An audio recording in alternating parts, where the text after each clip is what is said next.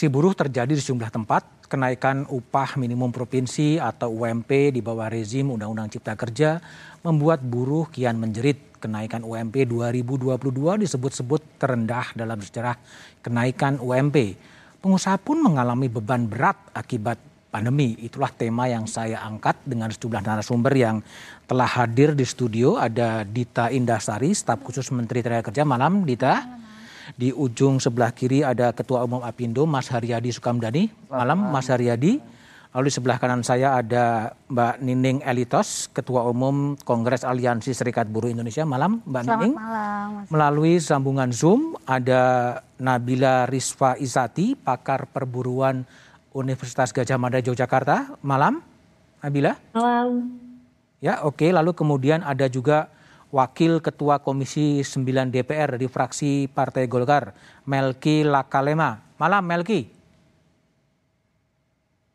Belum hadir? Oke, na- na- na- Melki nanti akan bergabung setelah ini. Saya akan mulai diskusi dengan eh, Dita Indasari. Dita, ini kenaikan UMP 2022 dianggap terlalu rendah dan dianggap tidak layak ya, antara lain oleh protesnya Gubernur Jakarta Mas Anies Baswedan juga terhadap itu. Sebenarnya bagaimana sih formula atau asal usul sehingga muncul kontroversi seperti itu? Ya, terima kasih Mas Budiman. Jadi posisi saya ini sendiri sudah di tengah. Oke, Jadi berarti pemerintah ya, mudah-mudahan Hmm. posisi duduk ini mencerminkan posisi pemerintah juga. syukur. Ya, amin. Jadi di menjaga keseimbangan antara Iya, saya juga di tengah. dengan Pak Haryadi. Mas kan host. nah, iya jadi memang begini. Eh, setiap kali kita mau membuat sebuah perubahan yang agak mendasar, itu pasti akan ada reaksi. Oke. Karena ada teman-teman atau dari pengusaha juga ya yang menginginkan agar eh, situasi pengupahan yang lama tetap berjalan. Tapi kita memang harus melakukan perubahan, Mas. Karena apa? Yang pertama, harus dibedakan dalam soal pengupahan ini mana yang bagian eh, publik, rezim publik, mana yang rezim privat. Yang rezim publik adalah upah minimum. Kenapa? Rezim publik, oke. Ya, rezim publik itu artinya diatur oleh pemerintah, diawasi oleh negara, diurus oleh negara Oke. pemerintah. Kenapa? Karena memang dia safety net.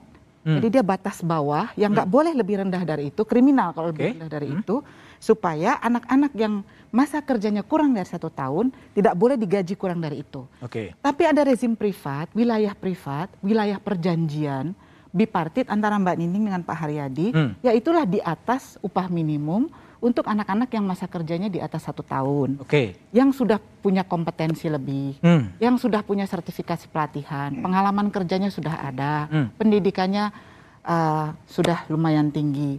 Nah, mereka ini adalah uh, kelompok yang memang harus bernegosiasi dengan antara Mbak Nining dengan Pak Haryadi Hmm. untuk mendapatkan upah di atas upah minimum. Oke. Itu yang kami sebut upah berdasarkan produktivitas. Produktivitas. Nah, selama ini upah minimum kita itu kan memang eh, bergerak eh, persentase pergerakan kenaikannya ya, bukan eh, nominalnya tapi kenaikannya itu cepat.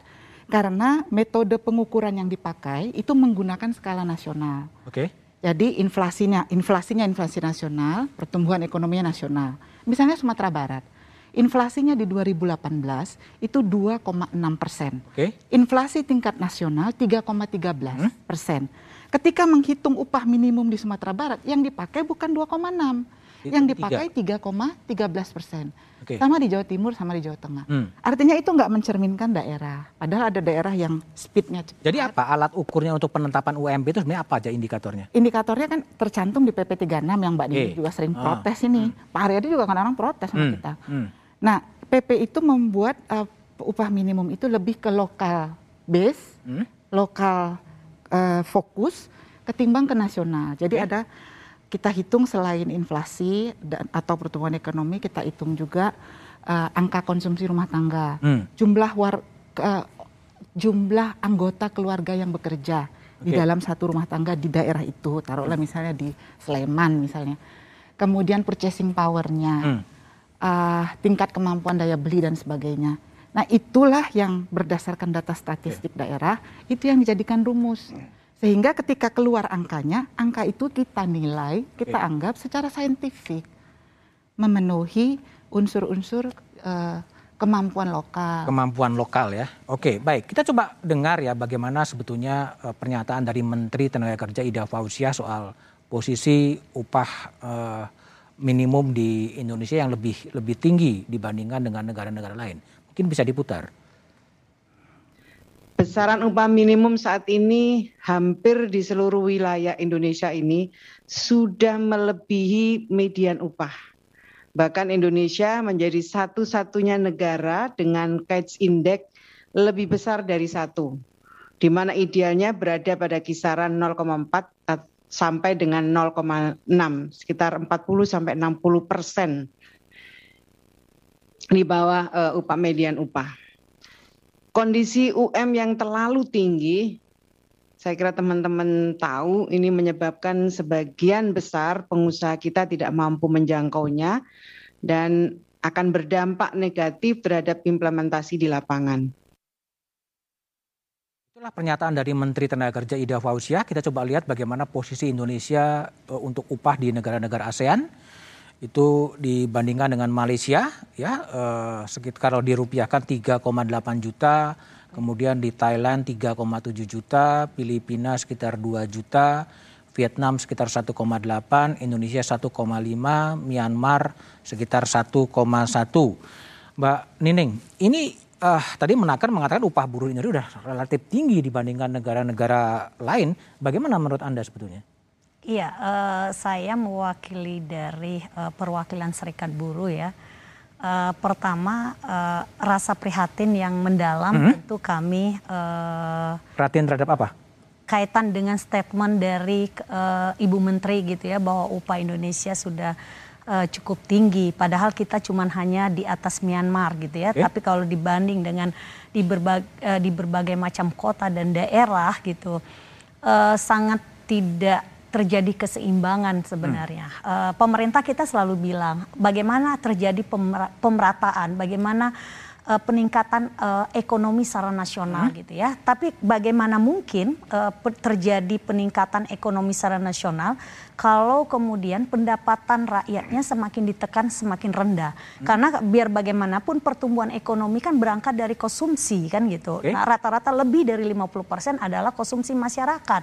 Nah, uh, dalam penentuan upah ini tentu uh, kita bisa lihat misalkan dari persoalan pertumbuhan ekonomi kuartal pertama, kedua gitu ya sampai ke uh, di 2021 ini uh, sungguh cukup membaik gitu ya sampai terakhir di kuartal yang kedua itu 7, uh, persen gitu uh, terjadi perbaikan.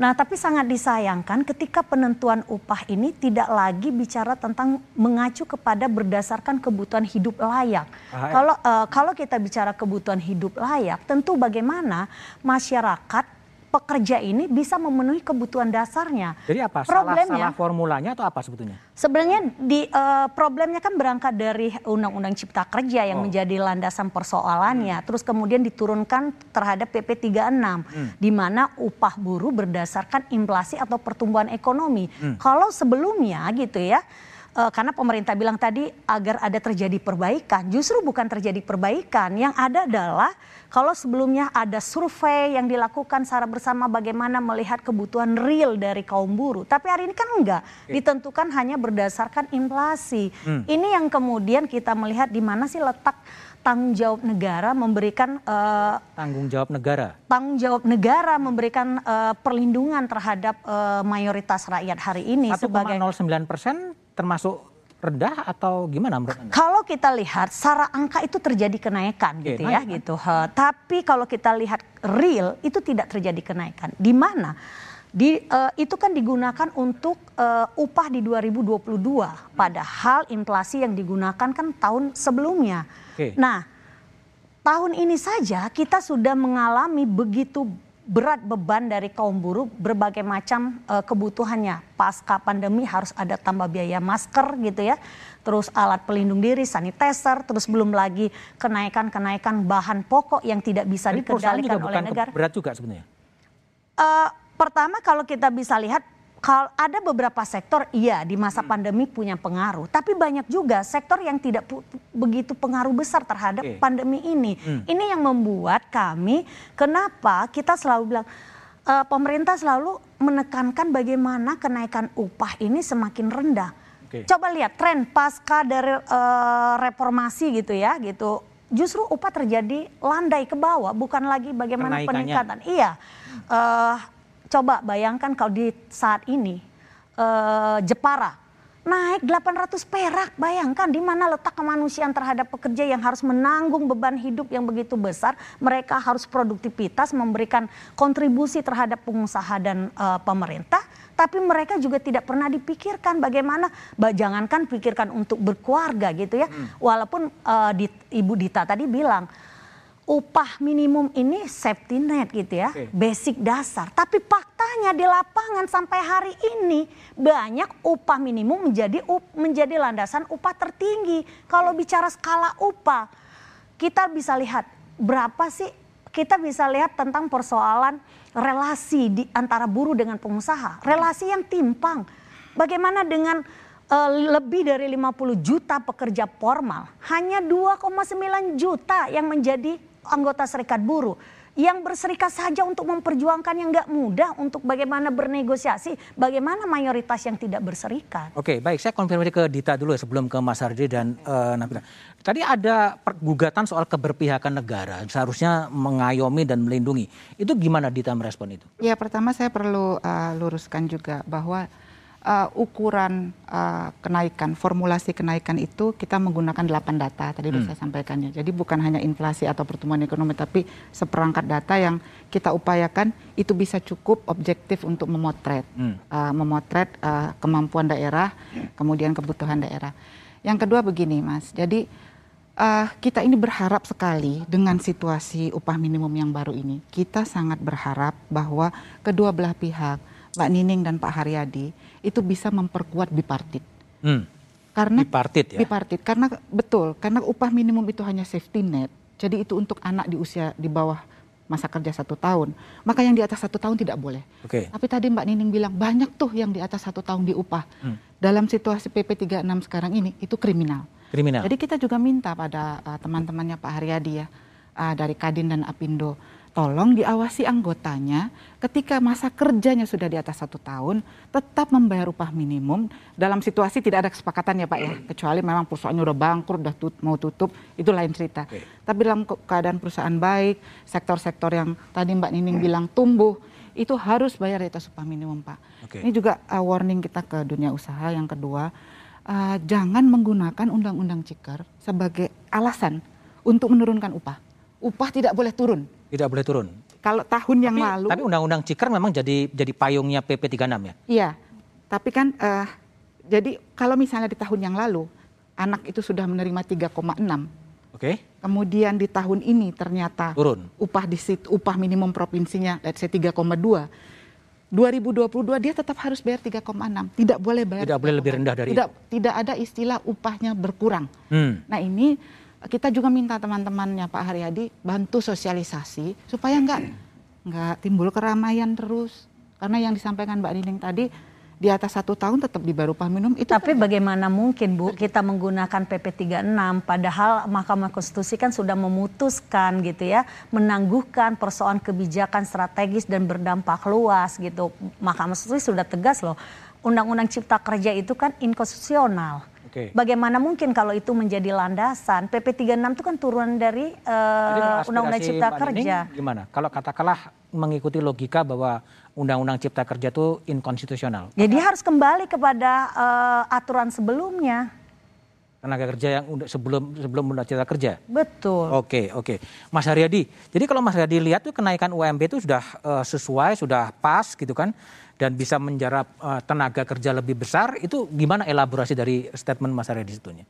Kalau bicara upah minimum kan bicaranya panjang ya, saya melengkapi, hmm. saya nggak ngulang lagi cerita yeah, tentang yeah. safety net dan sebagainya. Hmm. Tapi kalau kita melihat dari sejak reformasi, uh, sebetulnya itu adalah titik apa titik multi apa titik um, beranjaknya safety net itu menjadi upah rata-rata. Oke. Okay. Karena di bawah safety net itu kan apa upah minimum paling bawah. Hmm. Tapi kalau di bawahnya ini terus di didorong naik terus sehingga ada apa ada layer di atas yang uh, sebetulnya adalah upah di atas upah minimum. Nah, istilahnya kita menjadi upah sundulan. Jadi yang Sundul. bawah ini menyundul ke atas. Hmm. Nah, sehingga ruang yang tadi disampaikan oleh Mbak Dita harusnya itu apa ruang untuk bipartit yang namanya struktur skala upah itu tidak terjadi karena terlalu mepet. Bahkan tahun 2012 pernah di Kabupaten Bogor itu naiknya sampai 70 persen mas.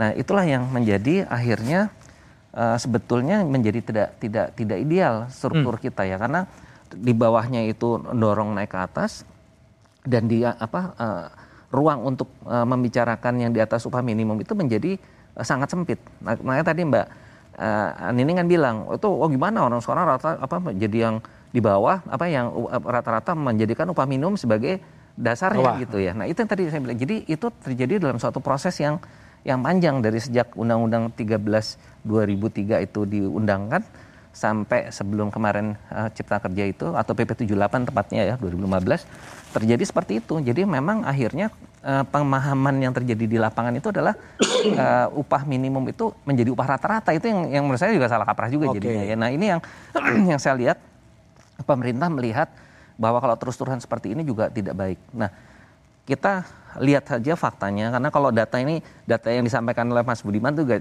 saya juga surprise juga karena hmm. ada data yang lain juga tidak menunjukkan seperti itu. Okay. Jadi kalau data ini bisa bisa kita misleading. Tapi kita lihat aja sekarang faktanya aja Mas. Nah, faktanya sekarang yang menerima subsidi itu besar sekali loh. Subsidi ya? Subsidi dari okay. jadi ketergantungan masyarakat terhadap subsidi negara itu besar.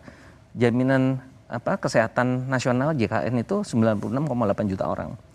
Yang terima subsidi listrik kurang lebih juga 98 juta orang. Jadi kalau diiris itu kira-kira overall itu ya 100 jutaan ada yang terima subsidi ya. Nah, hmm. ketentuan masyarakat yang fakir miskin dan tidak mampu itu ada peraturan di apa Menteri Sosial tahun 2013 Mas. Itu salah, ada 14 kriteria. Salah satu kriterianya menyatakan bahwa kepala rumah tangga itu penghasilannya di bawah 600 ribu rupiah. Kepala keluarga loh. Jadi kalau satu kepala keluarga nanggung dua aja berarti per kapita kan 300 ribu kan. Okay. Nah, ini yang menurut saya adalah harus juga kita lihat. Artinya negara itu kan melihat dari perspektif yang lebih, lebih luas karena untuk kepentingan ya, masyarakat lebih, ya semuanya dilihat. Nah, kalau 100 juta aja ini tergantung nasibnya dari subsidi itu 40% dari uh, populasi kita loh. Hmm. Nah ini okay. yang perlu kita lihat. Jadi uh, saya ingin sampaikan sebetulnya adalah message-nya uh, tidak hanya semata-mata kita melihat apa namanya di, di, dinamika dari uh, upah ya minimum tadi saya sampaikan upah minimum karena sekian lama hmm. hampir okay. berapa tuh 20 tahun lebih okay. menjadi upah rata-rata ini jadi jadi salah mispersepsi gitu. Ya, oke. Okay. Baik, saya ke uh, Nabila Rispa Isati, pakar perburuan UGM, Mbak Nabila. Jadi kalau Mbak Nabila lihat ini formulasi kenaikan UMP 2022 ini menimbulkan kontroversi sebetulnya di mana sih duduk persoalannya? Tapi analisis Nabila setelah jeda berikut ini saja.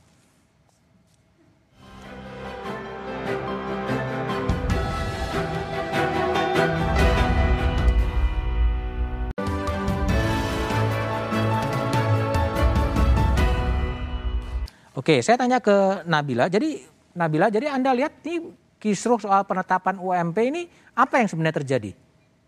Oke, uh, terima kasih Mas. Jadi setidaknya kalau dari kacamata akademik menurut saya ada dua poin utama kenapa uh, eh, UMP itu selalu menjadi kisruh yang berulang hmm. setiap tahunnya. Yang pertama adalah karena sebagaimana tadi sudah sempat disinggung, ada isu disparitas atau kesenjangan upah yang sangat uh, lebar gitu ketika kita membicarakan mengenai upah yang ada di daerah. Karena uh, sering kali kan ketika kita membicarakan mengenai upah minimum yang dijadikan contoh adalah uh, upah-upah minimum daerah yang sudah tinggi, yang mana hmm. memang oke okay, mungkin itu cukup cukup bisa representatif terhadap kebutuhan hidup layak.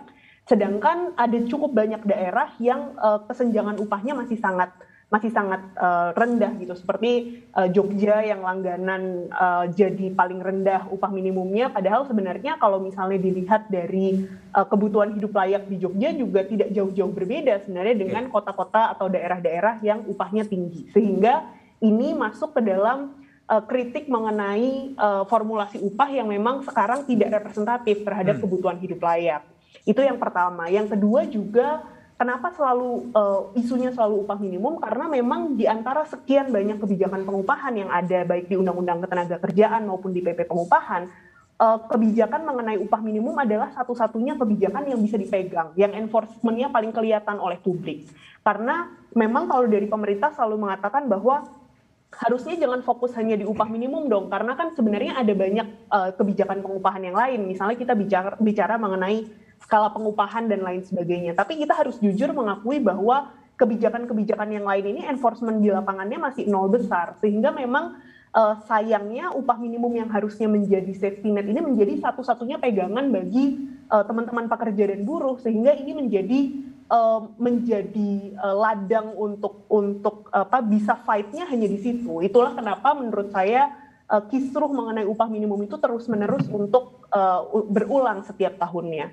Hal ini sebenarnya ada kaitannya dengan yang tadi uh, disampaikan di awal oleh Bu uh, Bu Menteri begitu ya ketika merefer mengenai kite kite index gitu. Kan kalau misalnya kita bicara mengenai kite index kita tinggi sebenarnya kalau kita secara kritis harus melihatnya dari dua sisi. Kite index Indonesia yang tinggi itu ada dua kemungkinan. Ada kemungkinan memang upah minimum kita tinggi atau upah medium kita yang rendah. Okay. nah melihat bagaimana kenyataan di lapangan bahwa uh, struktur skala pengupahan kita tidak berjalan dengan baik, ada kemungkinan sebenarnya kita lebih condong ke opsi yang kedua bahwa upah median kita itu rendah sehingga upah minimum ini yang seharusnya hanya di tahun pertama itu okay. sebagaimana tadi sudah dikatakan menjadi satu-satunya pegangan upah bagi pekerja atau buruh yang mana menjadi sangat penting bagi pekerja atau pekerja dan buruh untuk um, apa memperjuangkan agar upah minimum ini bisa memenuhi kebutuhan hidup mereka. Oke, baik. Nabila, saya pindah ke Melki Lakalema, Wakil Ketua Komisi 9 DPR. Melki, ini ada ketegangan lagi antara apa? Antara uh, serikat pekerja dengan juga uh, pemerintah yang meminta uh, revisi soal itu. Anda lihat sebagai anggota DPR gimana, Melki? Ya, uh, pertama Mas Bud, jadi yang disampaikan oleh teman-teman tadi saya cermati dari sudut pandang masing-masing kan ini bisa di apa bisa dicari titik temu apabila ruang komunikasi yang di yang disiapkan dalam konteks uh, keputusan terkait dengan uh, upah minimum ini dipakai seoptimal mungkin. Mau kita pakai yang eh, PP yang lama ataupun PP yang baru sebenarnya yang yang selalu akan jadi soal ketika ruang untuk duduk bicara ini tidak dioptimalkan. Saya Sekarang tidak optimal Melki. Ya karena ya ini bisa dua hal ya. Pertama dari sudut pandang pemerintah juga mungkin kurang membuka ruang bagi keterlibatan kelompok tadi dari kelompok pekerja atau juga sebaliknya dibuka ruang juga oleh pemerintah tidak dioptimalkan oleh kelompok pekerja. Kalau pengusaha saya lihat apa tidak terlalu banyak soal dalam urusan upah nih karena hmm. Dari Pak Ariadi tadi kan saya lihat prinsipnya setuju ya.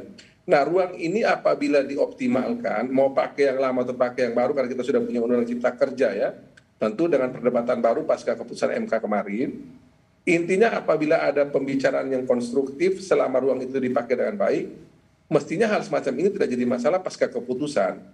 Saya tuh misalnya Pak Mas Butuh kaget misalnya pada saat setelah keputusan itu ada seorang pengusaha nasional di bidang farmasi itu telepon saya juga tanya, Mas Melki itu kenapa sih kok keputusannya 1.09 gitu. Dia pun juga kaget. Apa ini apa eh, keputusan yang diambil ini berlaku eh, secara nasional atau gimana?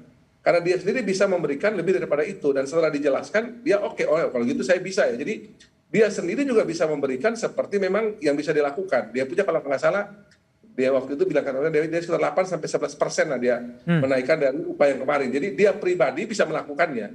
Artinya kalau ruang dialog itu dilakukan, itu mestinya pengusaha, pemerintah dan buruh ini bisa mengambil kesepakatan yang ideal. Hmm dari okay. uh, eh, dari uh, regulasi yang ada ini, Mas Bud. Jadi kuncinya pada dialog ya, Mbak Nining. Jadi ini sebenarnya ya. opsinya adalah dialog sebenarnya antara uh, buruh dengan pengusaha. Gimana kalau dalam perspektif uh, buruh? Iya, uh, kalau kami sih memang uh, pertama memang harus ada uh, keterbukaan terhadap berbagai macam stakeholder ya gitu. Bagaimana pelibatan dalam mengambil uh, satu keputusan. Seringkali selain uh, kita tidak terlibat secara masif gitu. Kemudian uh, kita juga melihat uh, sejak 2015 turunnya PP 78 2015 sampai PP 36 ini terlihat betul gitu uh, bagaimana pemerintah tidak lagi mengedepankan bagaimana peningkatan kesejahteraan terhadap uh, kaum buruh gitu ya gitu mulai dari berbagai macam regulasi, peraturan pemerintah, kita uh, tiba-tiba sudah keluar, tiba-tiba sudah uh, muncul gitu.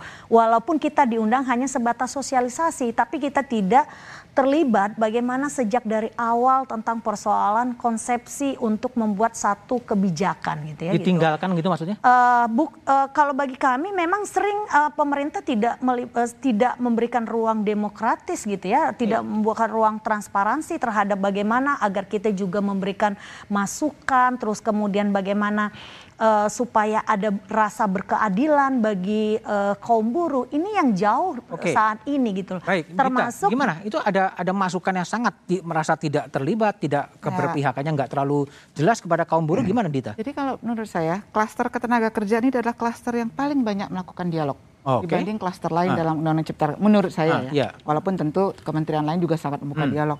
Tapi karena kita stakeholdernya dinamis, ada serikat pekerja, ada serikat pengusaha, jadi mau nggak mau memang harus dialog. Gini, kita punya dua mekanisme. Satu mekanisme formal, mekanisme formal itu melalui forum tripartit. Hmm? Itu ada delapan ya, sembilan, hmm? uh, tujuh uh, federa konfederasi dan federasi. Itu formal Uh, kemudian ada Dewan Pengupahan Nasional yang sudah mengendorse juga PP 36 dan pelaksanaannya. Itu forum formal dan itu menjadi forum konsultasi rutin. Hampir tidak ada keputusan menteri apakah berupa tanpa surat edaran tanpa konsultasi di forum formal. Okay. Nah, ada forum yang di luar itu, di mana kan serikat buruh ini banyak, Mas. Hmm. Ada 16 konfed, 275 federasi, ribuan PUK, pengurus hmm. unit kerja. Nah, untuk teman-teman ini uh, ada forum lain mereka datang kita terima, Mbak Nining datang, demo hmm. kita terima, Mbak Nining datang, uh, mau konsultasi, dialog, Bu Dirjen ada, terima. Kalau Bu Dirjen nggak ada, direktur. Kalau bisa Bu Menteri terima, Bu Menteri terima. Hmm. Kalau enggak bisa komunikasi via WA, media sosial. Jadi instrumen untuk berkomunikasi dengan pemerintah banyak. Okay. Tapi problemnya da, dengan begitu besarnya jumlah stakeholder yang ada, begitu dinamisnya mereka, begitu banyaknya tuntutan, bahwa ada yang belum terakomodir, belum terajak bicara, itu mungkin saja. Ada 275 federasi. Kalau Kaspi termasuk yang diajak bicara sebenarnya? Iya. Udah. Iya.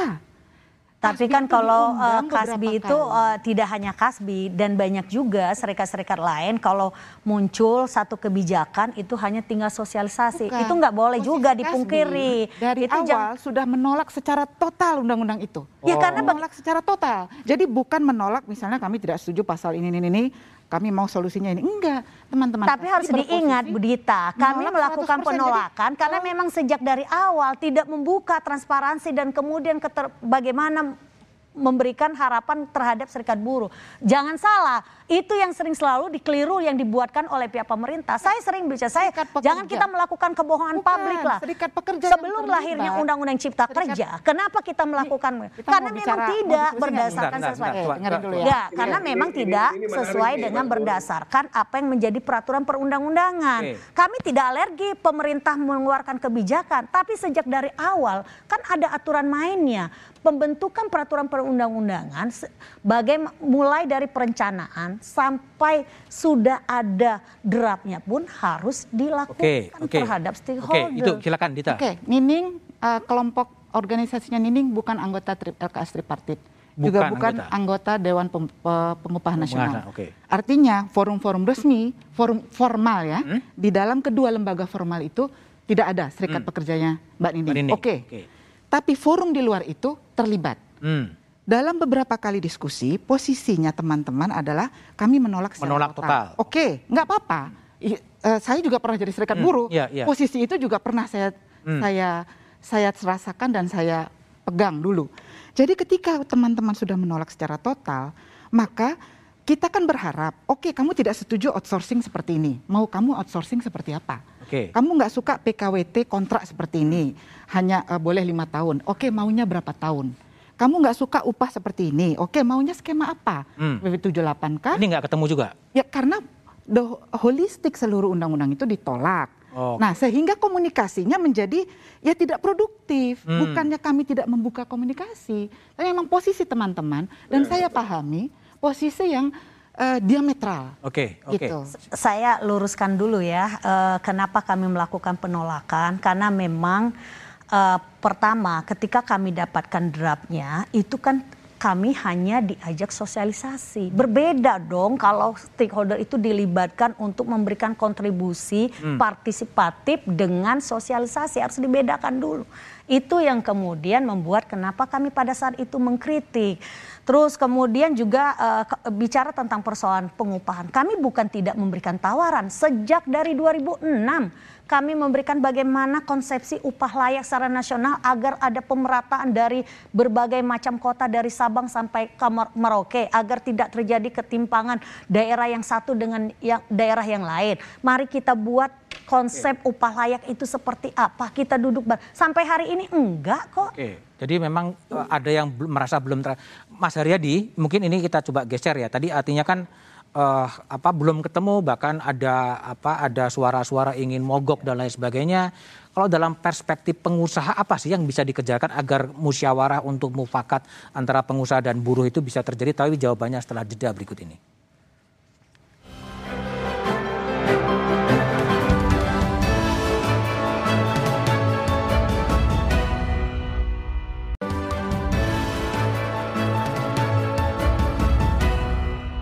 Mas Haryadi Sukamdani.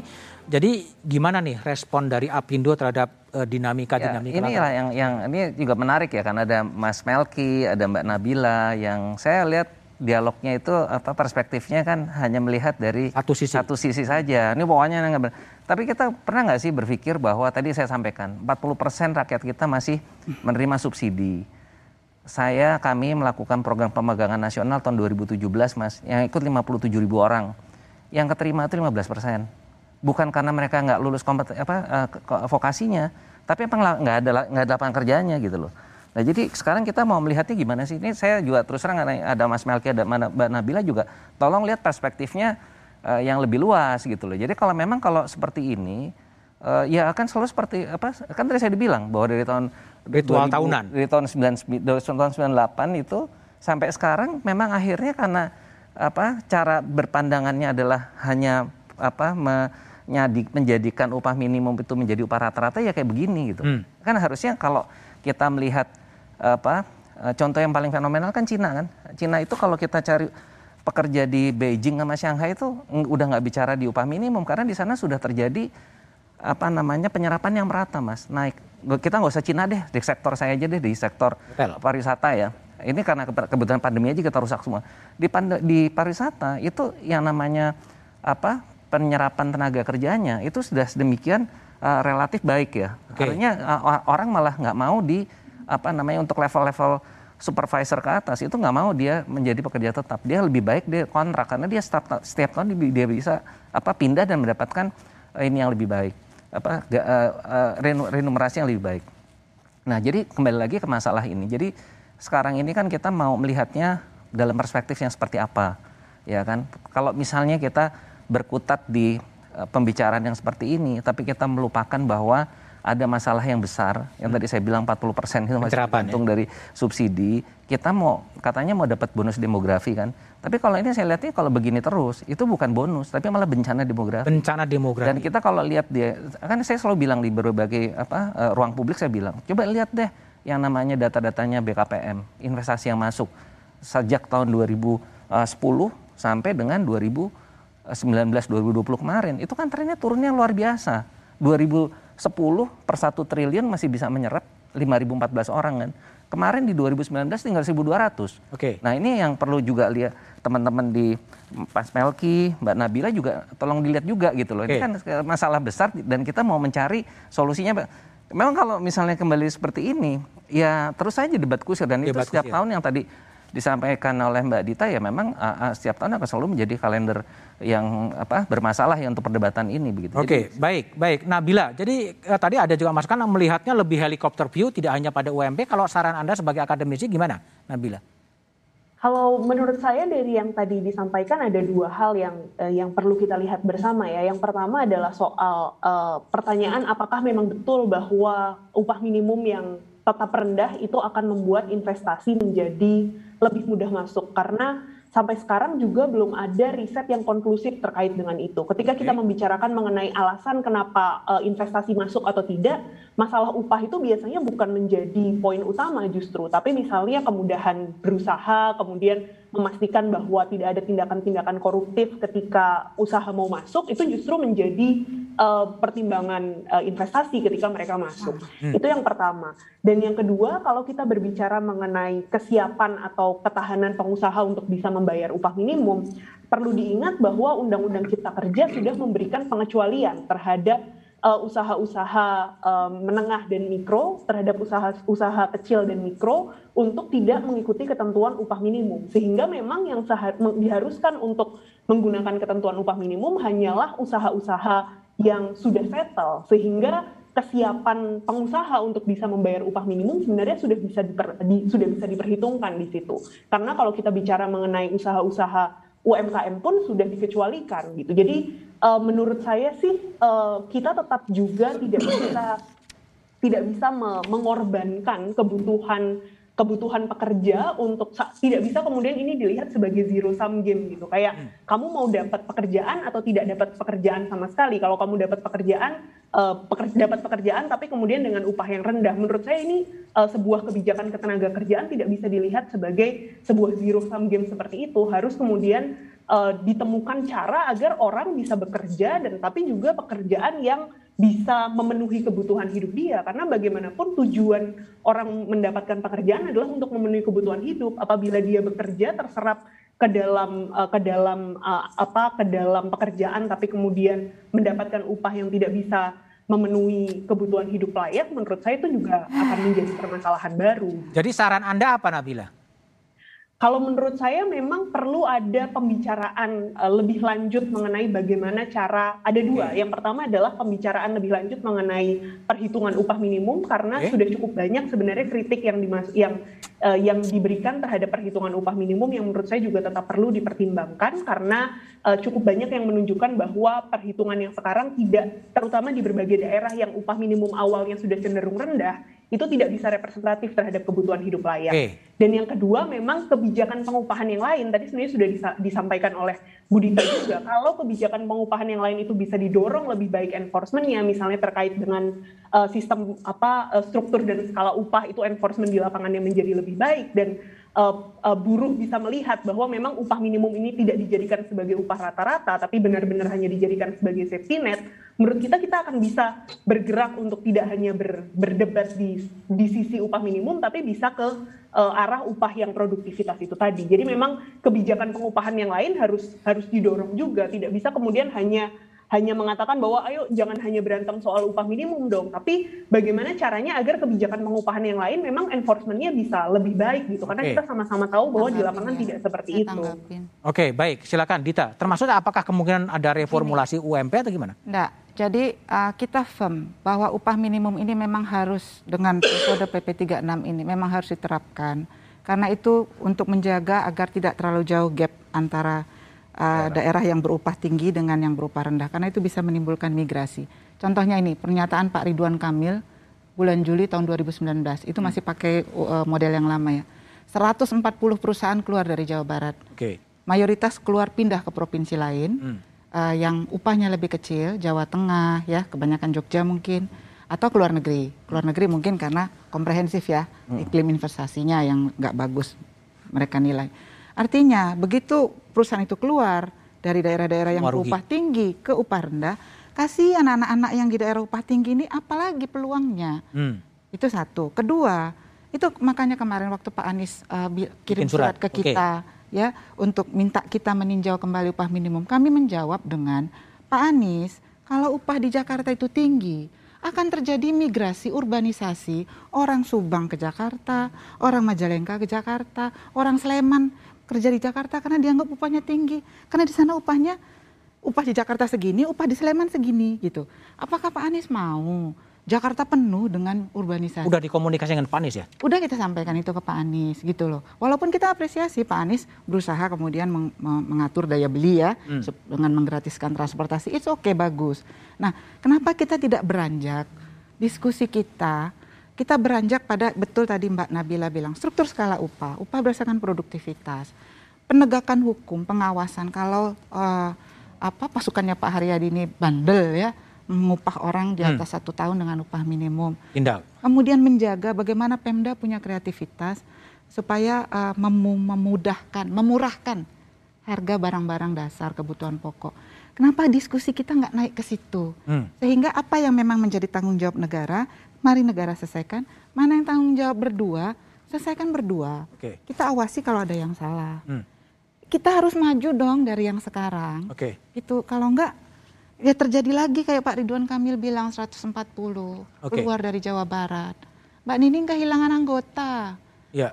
Oke, okay, baik. Uh, Melki, jadi gimana ini sebetulnya uh, dialog juga kadang uh, belum bisa titik temu, tapi berkutat pada UMP. Ini Anda lihat sebagai anggota DPR gimana menyelesaikan problem ritual tahunan berkaitan dengan UMP ini?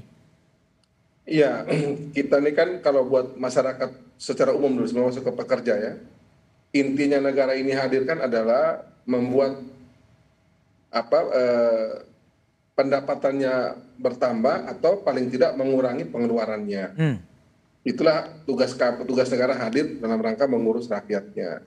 Nah, rakyatnya itu sebagian adalah kelompok kategori pekerja. Tadi saya setuju bahwa di satu sisi kita bicara upah ini salah satu bagian dari menjamin bahwa pendapatan masyarakat yang masuk kategori pekerja ini ada pada batas minimal di mana dia bisa bertahan hidup, bisa menghidupi dirinya dan keluarganya. Pada saat yang sama juga negara bertanggung jawab juga membantu pengeluarannya di sisi lain di sisi apa namanya uh, kesehatan, pendidikan dan sebagainya. Nah, yang tadi saya bilang kenapa perlu dialog itu Mas Bud itu karena setahu saya memang kan diberi ruang hmm. oleh Dewan Pengupahan baik itu di provinsi, kabupaten, kota, di tingkat nasional untuk berbicara tentang berbagai kondisi rakyat yang masuk kategori pekerja ini sehingga masuk pada suatu kelompok yang tadi saya sampaikan bahwa mereka juga dipastikan bisa hidup layak di negeri ini, hidup bisa memenuhi berbagai kebutuhannya. Sayangnya adalah ya, yang saya lihat adalah sayangnya adalah uh, karena pembicaraan ini selalu seperti ini kita alami ya. Hmm? Pada saat pembicaraan tripartitnya tidak berjalan optimal, setelah selesai diputus ya seperti begini lagi kejadian, akhirnya kan mestinya kalau itu bisa selesai sebelum keputusan diambil, koneksi terhadap berbagai apa berbagai kebutuhan uh, rakyat yang masuk kategori pekerja ini yang kita diskusikan ini di sektor-sektor lain di bidang pendidikan, kesehatan dan sebagainya ini juga mestinya bisa tersambung dengan baik. Okay. Karena toh sebenarnya kan kita lagi menuju ke sana ini mas. Kita lagi menuju kepada di mana kita harus mengetahui bagaimana uh, apa kondisi rakyat kita ini dengan kita lagi benain ya sekarang ya.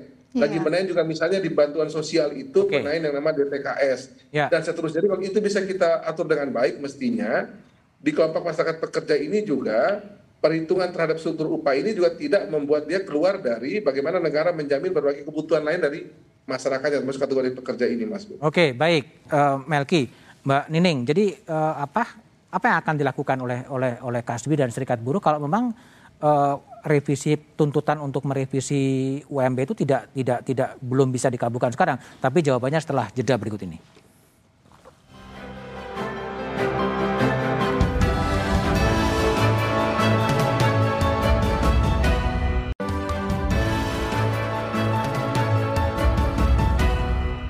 Mbak Nining, jadi apa yang mau dikerjakan oleh eh, Kasbi dan serikat buruh lain menghadapi apa ya kebuntuan soal UMP ini? Iya, eh, pertama kami melihatnya tadi kan pemerintah bilang bahwa ini bagaimana terjadi pemerataan antara kota yang eh, daerah yang masih rendah dengan daerah yang sudah cukup tinggi hmm. kan gitu. Nah faktanya akibat dari satu kebijakan ini eh, melalui PP 36 dan surat edaran banyak kok daerah-daerah yang upahnya rendah hanya kenaikan 800 perak, yang kenaikannya 2.500, bahkan di wilayah Majalengka misalkan sekitar 16.000. Artinya kan tidak tercermin di sana kalau bicara pemerataan gitu ya. Nah, terus kemudian memang ini harus ada cara jalan keluar untuk mencari solusi dari problem ini.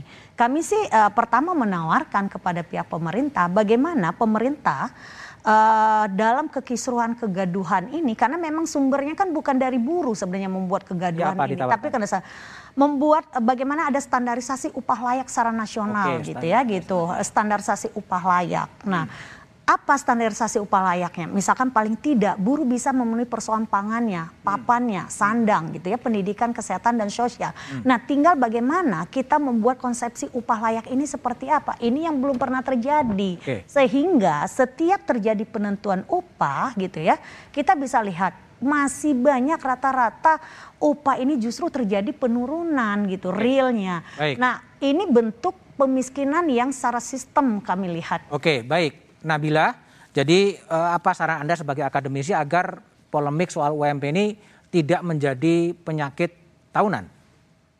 Kalau menurut saya, eh, kalau menurut saya memang salah satu yang bisa dilakukan adalah dengan memaksimalkan enforcement dari kebijakan pengupahan yang lain. Sebagaimana tadi sudah disampaikan oleh Bu Dita bahwa kebijakan pengupahan kita kan yang lain ada banyak. Salah satunya misalnya soal eh, struktur skala upah. Tapi eh, nggak bisa juga kemudian pemerintah lepas tangan dan mengatakan bahwa oh ini kan masuknya ke kesepakatan bersama antara pekerja dan pengusaha. Karena harus dipahami bahwa bagaimanapun eh, posisi pekerja dan pengusaha yang tidak seimbang itu menyebabkan eh, kesepakatan-kesepakatan bipartit itu tidak se- sesederhana itu dan semudah itu untuk dilakukan. Sehingga tetap harus ada pressure dari pemerintah bagaimana caranya agar kebijakan ini berjalan. Jadi tidak hanya membuat kebijakan tapi juga memastikan kebijakan ini berjalan. Contoh paling sederhana misalnya Undang-Undang Cipta Kerja mewajibkan perusahaan untuk mendaftarkan struktur dan struktur skala upah. Tapi banyak penelitian di lapangan di Disnaker misalnya hal ini tidak berjalan. Artinya kan memang pressure dari pemerintah untuk memastikan agar kebijakan ini enforcement-nya berjalan di lapangan juga masih kurang. Jadi Oke, menurut baik. saya um, agar polemik ini tidak berulang, hal-hal tersebut bisa dimaksimalkan. Baik, oke. Mas Haryadi, jadi apa harapan dari dari pengusaha agar ketegangan-ketegangan ini bisa segera selesai sih? Ya, em, memang kalau menurut pandangan kami sekarang adalah kalau kami fokusnya di struktur skala upah ya. Hmm. Karena kita melihat bahwa ke depan itu kalau kita mau melihat secara lebih apa lebih fair gitu ya, itu memang harus di di apa layernya itu harus dibangun lagi yang benar gitu. Jadi tadi yang ke- yang disampaikan oleh Mbak Nabila tadi bahwa eh, pengawasannya kurang dan sebagainya, menurut saya eh, kalau su- sudah terjadi suatu eh, kondisi di mana terjadi penyerapan yang sempurna itu akan otomatis akan terjadi karena nggak mungkin lah orang yang pasti orang yang kerja lama nggak mau dong gajinya terlalu dekat sama yang baru masuk Oke, itu betul ya. secara Oke. alamiah akan terjadi seperti itu mas Oke, baik. Melki, jadi sebagai DPR ini gimana agar tidak terjadi katakanlah mogok dan lain sebagainya itu?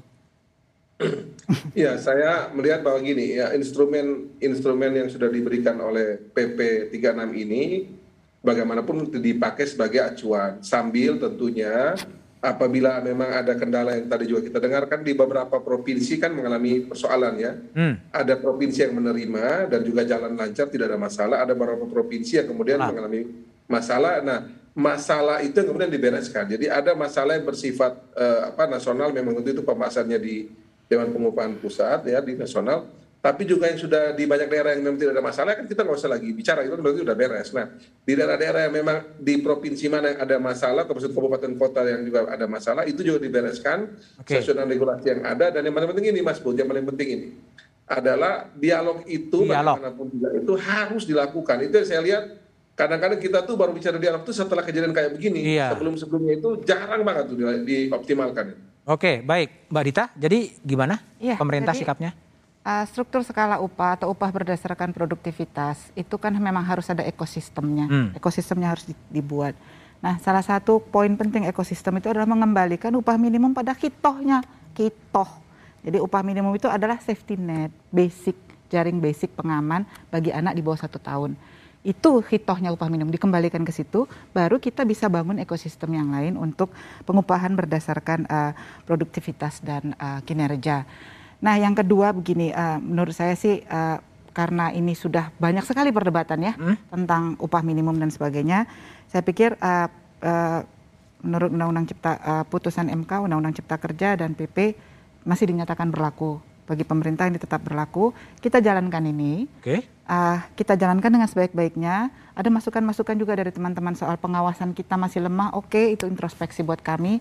Kita akan perkuat pengawasan itu. Juga kita berharap teman-temannya Pak Haryadi, sektor-sektor yang memang tumbuh positif Pak dalam situasi COVID ini, Bisa tolong lebih. jangan memberikan lagi ah, apa ah, upah minimum untuk- khususnya untuk yang di atas satu Iya. tahun. Oke. Itu baik. penting sekali supaya Baik. supaya tidak lagi terjadi keributan karena eh, kedua belah pihak tidak trust, buruh tidak trust pada pe- pengusaha, pengusaha tidak Hmm. Trust trust, pada pada buruh, pemerintah juga berusaha berdiri di tengah tapi Tidak sering keras juga? dituduh ke kanan atau ke kiri ya ya Oke. sudah kita kembali Pak dudukkan upah minimum pada hitohnya Oke. sebagai basic safety. Baik, makasih Mbak Dita, Mas Haryadi, Mbak Nining, eh, Melki, dan Mbak Nabila.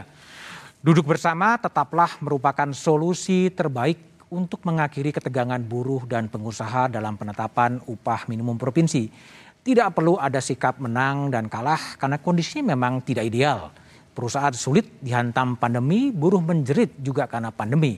Duduk bersama, mencari titik temu adalah tetap solusi. Demikian satu meja The Forum malam ini. Pandemi belum berakhir, tetap patuhi protokol kesehatan dengan menjauhi kerumunan, mencuci tangan, menggunakan masker, dan ikut vaksinasi. Sampai jumpa.